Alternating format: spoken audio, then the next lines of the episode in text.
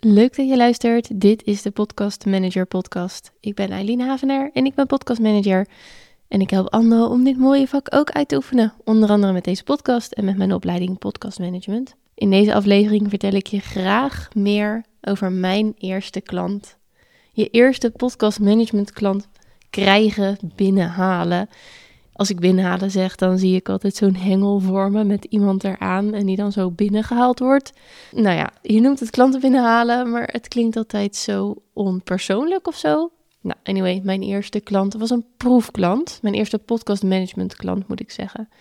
Ik ben namelijk niet als podcast manager gestart in deze business. Ik startte als een soort, ja, ik had nooit echt een goede term, maar noem het maar een soort van podcast coach.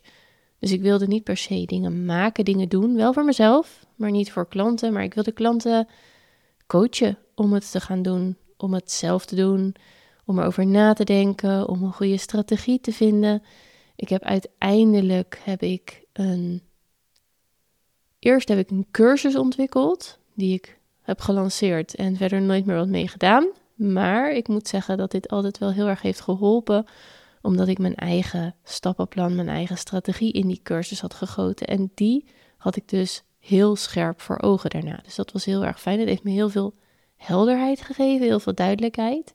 Daarna wilde ik podcast coaching, laten we het maar zo zeggen, gaan doen. En heb ik op een gegeven moment een soort VIP days verkocht. Althans, ik had er één verkocht. Ik heb ze op de markt gebracht, zo gezegd. Dus dan zou je een dag met mij gaan zitten. Ik regel de lunch, ik regel de plek. En dan gaan we gewoon helemaal uitdenken wat jouw podcast moet doen, moet zijn, moet worden. Nou, heel strategieverhaal. Die had ik toen verkocht. En toen bedacht ik me dat ik een cursus toen nog, nu een opleiding voor podcastmanagers zou maken. En op het moment dat ik dat bedacht had, dacht ik, ja, ik ben wel gek. Ik wil dit zelf ook gaan doen. En zo geschieden. Toen heb ik de klant met wie ik een, VIP, eh, een VIP-dag zou doen, een VIP-day, een VIP-dag, heb ik gevraagd: wil je niet dit omzetten in een drie maanden podcast management ondersteuning pakket? En toen had ik pakket goud, zilver, brons. En nou, ik had haar in pakket zilver gezet, geloof ik. En dat, dat vond zij oké. Ik had namelijk die VIP-dag had ik verkocht voor, even uit mijn hoofd, 799 euro. Ja, volgens mij wel. En zij zou dan dus zeg maar datzelfde betalen, maar dan voor podcastmanagement over drie maanden uitgesmeerd en eens in de twee weken. Eigenlijk was zij mijn tweede podcastmanagement klant, want mijn allereerste podcastmanagement klant was een technisch VA.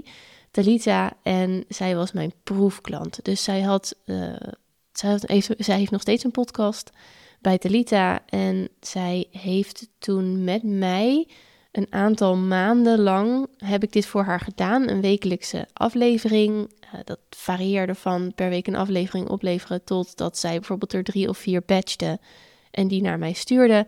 Ik editte het, ik schreef de show notes, ik publiceerde het. Nou, een soort alles wat je als podcastmanager doet. Maar dat was ontzettend fijn dat Talita dat met mij wilde doen. Zij had natuurlijk het voordeel aan dat zij een geëdite en geshownote podcast kreeg. En ik kon heel goed mijn workflow vinden, mijn eerste stappen zetten op het ja, projectmanagement stuk, zullen we het maar eventjes noemen, van het zijn van een podcastmanager. Want dat je een podcast kan maken en dat je die skills daarvoor hebt, dat is een ding dat zeker is. Vooral als je de opleiding hebt gedaan. Maar het vervolgens ook allemaal nog in de praktijk brengen en het op een zodanige manier structureren. Dat je het ook kan doen voor een ander zonder dat je daar vijf dagen lang per week mee bezig bent. En dat klinkt misschien gek, maar als je het niet op een goede manier voor jezelf inricht, dan kan je elke dag een stukje doen en dingen vergeten of weer terug moeten. En dat brengt je ook geen rust. Althans, mij niet. En met Talita kon ik dus heel mooi dat traject vorm gaan geven. En aangezien zij technisch VA was, was het ook heel fijn dat ze mij kon helpen met bijvoorbeeld het gebruik van Trello. althans, ik hoefde haar niet uit te leggen hoe je Trello gebruikt. Dus dat was heel erg prettig. En op die manier konden we ook telkens weer heel laagdrempelig met elkaar contact hebben van werkt dit, werkt het zo, hey heb je dit nu geüpload, heeft het gewerkt? Ehm, zij maakte zelf de episode art, dus daar hadden we dan ook nog contact over. Die deed ze zelf uploaden. Nou, dat, dat voelde heel erg goed en heel erg fijn. En in de opleiding raad ik ook alle deelnemers aan om op een gegeven moment op zoek te gaan naar. Je kunt natuurlijk meteen ook een volledige klant naar je toe trekken als je dat prettig vindt. Maar als je denkt van ja, ik weet het gewoon nog niet zeker, mik dan op een proefklant. Ga het gewoon samen met iemand uitvogelen en voel daar dan bij ook de vrijheid om die fouten te maken. Fouten, wat zijn fouten?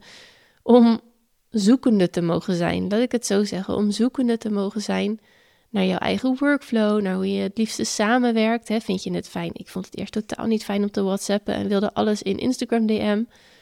Toen was ik Instagram helemaal zat. Toen dacht ik, ja, dit is het ook niet. Want elke keer als ik Instagram open, dan word ik afgeleid door nou ja, het algoritme dat mij precies de dingen voorschotelt die ik wil zien en die mijn focus afleiden. Nu doe ik dat dan via WhatsApp. Is dat dan ideaal? I don't know. Maar zo, zo zoek je dat een beetje uit. En het feit dat je dat, die eerste stappen kan zetten met een proefklant, is, gaf mij in ieder geval heel veel rust. En het, in het ideale geval heb je een pilotklant. En een pilotklant is iemand die je helpt en die jou een bedrag betaalt wat minder is dan het bedrag dat je idealiter zou vragen. Dus een pilotklant betaalt je wel, maar niet voor het volle pond. Ik vind namelijk dat ook als je niets weet, bij wijze van spreken, als je weinig weet, als je nog niet zoveel ervaring hebt, dat je dan nog steeds van ontzettend veel waarde bent voor degene die jij helpt. Je doet namelijk sowieso dingen die een ander niet zelf hoeft te doen. En wat ik bij Talita dus heel erg merkte en wat ik altijd heb meegenomen, en dat is een inzicht dat ik echt pas kreeg nadat ik met haar werkte. Ja, zij zei: Het feit dat jij zit te wachten op mijn opnames zorgt ervoor dat ik blijf opnemen. En dat is wat ik wil. dat als iemand wil blijven opnemen, als ze bij wijze van spreken een jaar lang elke week iets willen uitbrengen, het simpele feit dat ze iemand betalen of iemand hebben ingeschakeld die ze helpt en die op die content zit te wachten, is een groeistrategie, is een manier om te blijven opnemen, om te blijven produceren en die mooie podcast vol met toffe afleveringen te laten stromen. Dat was dus mijn allereerste klant. Uiteindelijk kreeg ik dus, eh, had ik er dus twee ongeveer naast elkaar. Dus ik had en dan die dame die die VIP-dag bij mij had afgenomen. Uiteindelijk had ik geloof ik vijf podcasts naast elkaar lopen en begon het gewoon echt heel druk te worden. En was het voor mij tijd om afscheid te nemen van mijn proefklant, maar niet zonder ja, dat ik dat echt wel jammer vond. Het is namelijk wel een heel veilige plek, omdat we het echt op deze manier hadden afgesproken. En in mijn geval, uh, is ook iemand die veel van vooruitgang houdt, die van proberen houdt, die van keuzes maken. Dus we gaan dit nu doen. Dus dat was ook een hele fijne samenwerking. Maar uiteindelijk was het voor mij tijd om Talita los te laten. En zei mij, ik heb haar nog een voorstel gedaan om het door te zetten. Maar ook bij haar veranderde ook het een en ander. Dus uh, dat was eigenlijk een heel mooi natuurlijk moment om deze proefplantssamenwerking te stoppen. Moraal van het verhaal: je kunt altijd leren van elke klant die je hebt. Maar wees ook dankbaar en trots als je een proefklant hebt gevonden die met jou samen dit mooie avontuur aan wil gaan en met jou de tijd wil nemen om uit te zoeken hoe je dit nu het beste en het fijnste kunt doen. Dankjewel voor het luisteren en tot de volgende.